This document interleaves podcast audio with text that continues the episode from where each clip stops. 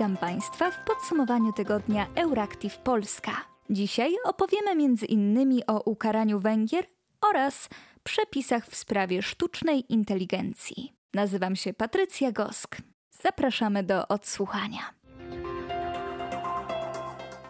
Skrajnie prawicowa alternatywna dla Niemiec AfD zyskuje w kolejnym sondażu poparcia dla partii politycznych.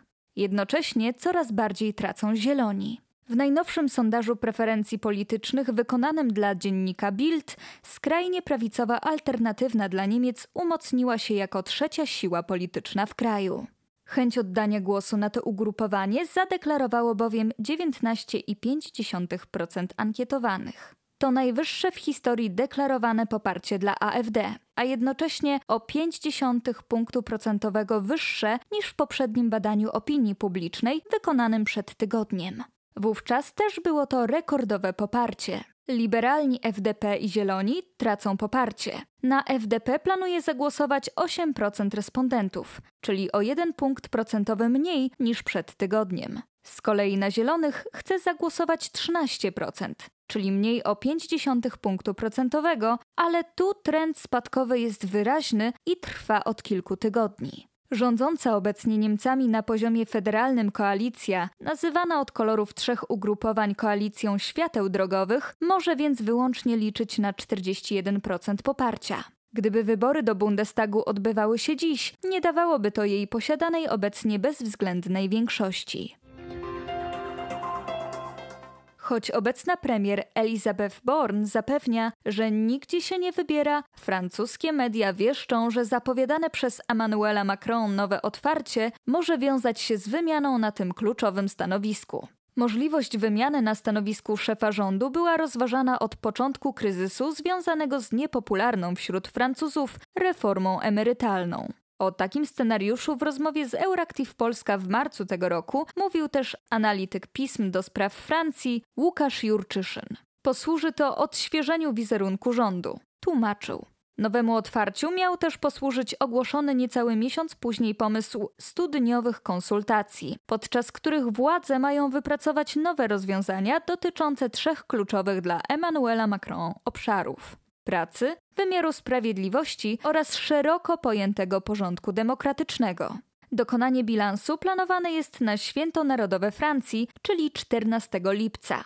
Jednak część decyzji może zapaść jeszcze wcześniej. A im bliżej tego terminu, tym głośniejsze są spekulacje, że kolejna faza nowego otwarcia będzie wiązać się z wymianą na stanowisku premiera. 12 czerwca rząd Born bronił się przed 17 z kolei wnioskiem o wotum nieufności złożonym przez lewicową koalicję NUPES. Podczas gdy do przegłosowania wniosku, którego odrzucenie zadecydowało o przyjęciu reformy emerytalnej, zabrakło ledwie dziewięciu głosów, ten odrzucono bezpieczną większością. Kolejna próba obalenia rządu była pokłosiem nieudanej próby uchylenia reformy emerytalnej w parlamencie. Pierwsze zapowiedziane bomby atomowe trafiły już na Białoruś, poinformował prezydent tego kraju Aleksandr Łukaszenko. Prezydent Białorusi udzielił wywiadu rosyjskiej telewizji Rosja 1, w którym ujawnił, że pierwsze rosyjskie pociski nuklearne znalazły się już na terytorium Białorusi. Mamy pociski i bomby, które otrzymaliśmy od Rosji. Bomby są trzy razy potężniejsze od tych zrzuconych na Hiroshimę i Nagasaki, powiedział Łukaszenko, stojąc na leśnej drodze w pobliżu magazynu zbrojeniowego. Według prezydenta Białorusi rozmieszczenie broni nuklearnej na terytorium tego kraju pozwoli odstraszać potencjalnych agresorów. Zawsze byliśmy celem. Oni chcieli rozerwać nas na kawałki od 2020 roku. Nikt nie walczył do tej pory przeciwko państwu nuklearnemu, państwu, które posiada broń atomową, stwierdził. Broń jądrowa rozmieszczona na terytorium Białorusi jednocześnie pozostanie nadal pod kontrolą Rosji i tylko ona będzie mogła podjąć decyzję o jej użyciu. Według przywódców obu państw, w razie konieczności Łukaszenka będzie mógł w tej sprawie skontaktować się osobiście z Putinem w każdej chwili. Sztuczna inteligencja nie będzie mogła być wykorzystywana do nadzoru biometrycznego i rozpoznawania emocji, a treści wygenerowane przez chat GPT będą musiały zostać specjalnie oznaczone. Zdecydowali europarlamentarzyści. Stanowisko negocjacyjne przyjęte 14 czerwca przez Parlament Europejski dotyczy pierwszego w historii aktu prawnego, który ma uregulować kwestie związane ze sztuczną inteligencją. Decyzja otwiera również drogę do kolejnych negocjacji, które będą toczyć się między Parlamentem, Komisją a Radą Unii Europejskiej. Za przepisami, które mogą zagwarantować, że wykorzystywana w Europie sztuczna inteligencja będzie w pełni zgodna z unijnym prawem i wartościami, opowiedziało się 499 europosłów. 28 zagłosowało przeciwko, a 93 wstrzymało się od głosu. Główny spór dotyczył wykorzystywania w przestrzeni publicznej systemów zdalnej identyfikacji biometrycznej. Bardziej progresywne frakcje starały się zakazać stosowania tej technologii w czasie rzeczywistym, ale zezwolić na nią w przypadku dochodzeń ex post w sprawie poważnych przestępstw.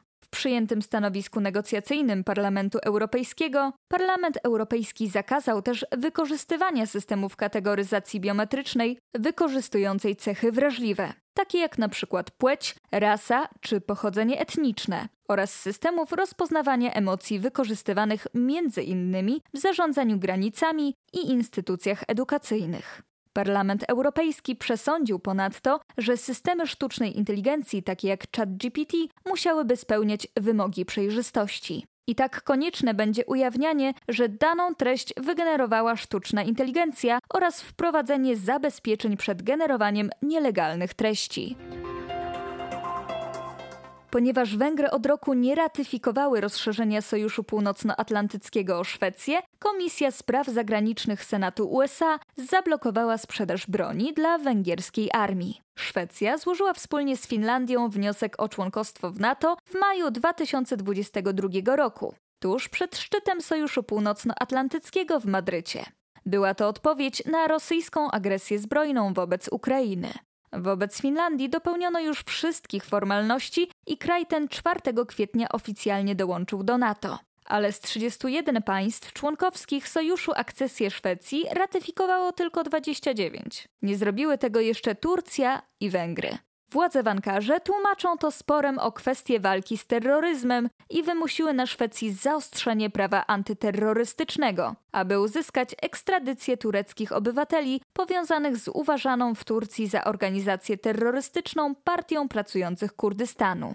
Węgry natomiast swój brak ratyfikacji dla rozszerzenia NATO o Szwecję tłumaczą obawami Turcji i zapewniają, że dopełnią wszystkich formalności, jak tylko zrobi to Turcja ale część komentatorów jest zdania, że Budapeszt korzysta tylko z wygodnej wymówki, a tak naprawdę nie chce narażać swoich dobrych relacji z Rosją.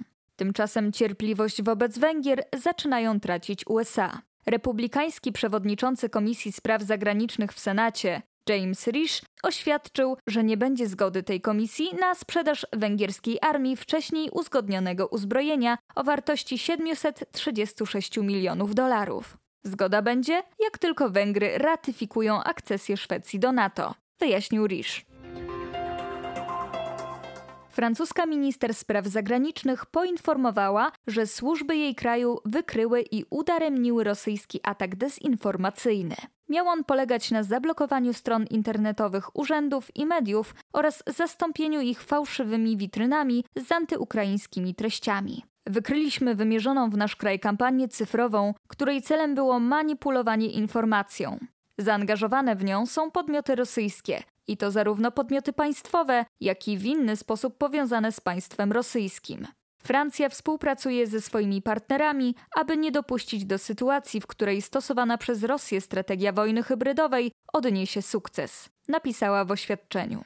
To nie pierwsze tego typu rosyjskie działanie wykryte w państwie członkowskim Unii Europejskiej. Wcześniej podobne działania Rosjanie próbowali podejmować w Niemczech, gdzie starano się sklonować serwisy między innymi takich dzienników jak Der Spiegel, Bild czy Die Welt. Jak przekazała mediom Kolona, pierwsze sygnały o takich rosyjskich planach dotarły do francuskich służb już w 2022 roku. A wszystko wykryła organizacja EU Disinfo Lab. Rosjanie mieli nadać swojej dezinformacyjnej kampanii kryptonim Operacja Doppelganger. Już wszystko w dzisiejszym podsumowaniu tygodnia redakcji Euractiv Polska. Życzymy Państwu miłego weekendu.